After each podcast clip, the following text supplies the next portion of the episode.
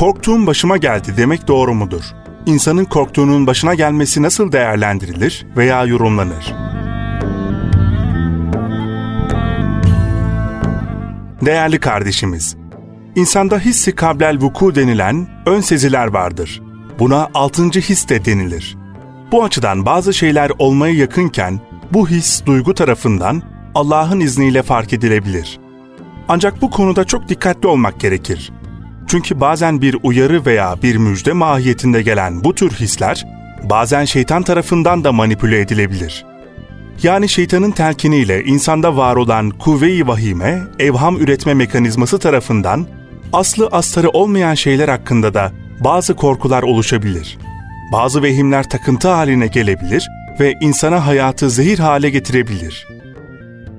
Bu sebepledir ki İslam'da bir şeyi uğur saymaya izin verildiği halde bir şeyi uğursuz saymaya izin verilmemiştir.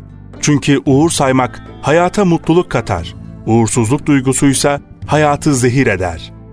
Özetlersek güzel düşünen her şeyi güzel görür ve hayatından lezzet alır. Kötü düşünen ruhuna kötülükler içirir ve hayatına zehir katar.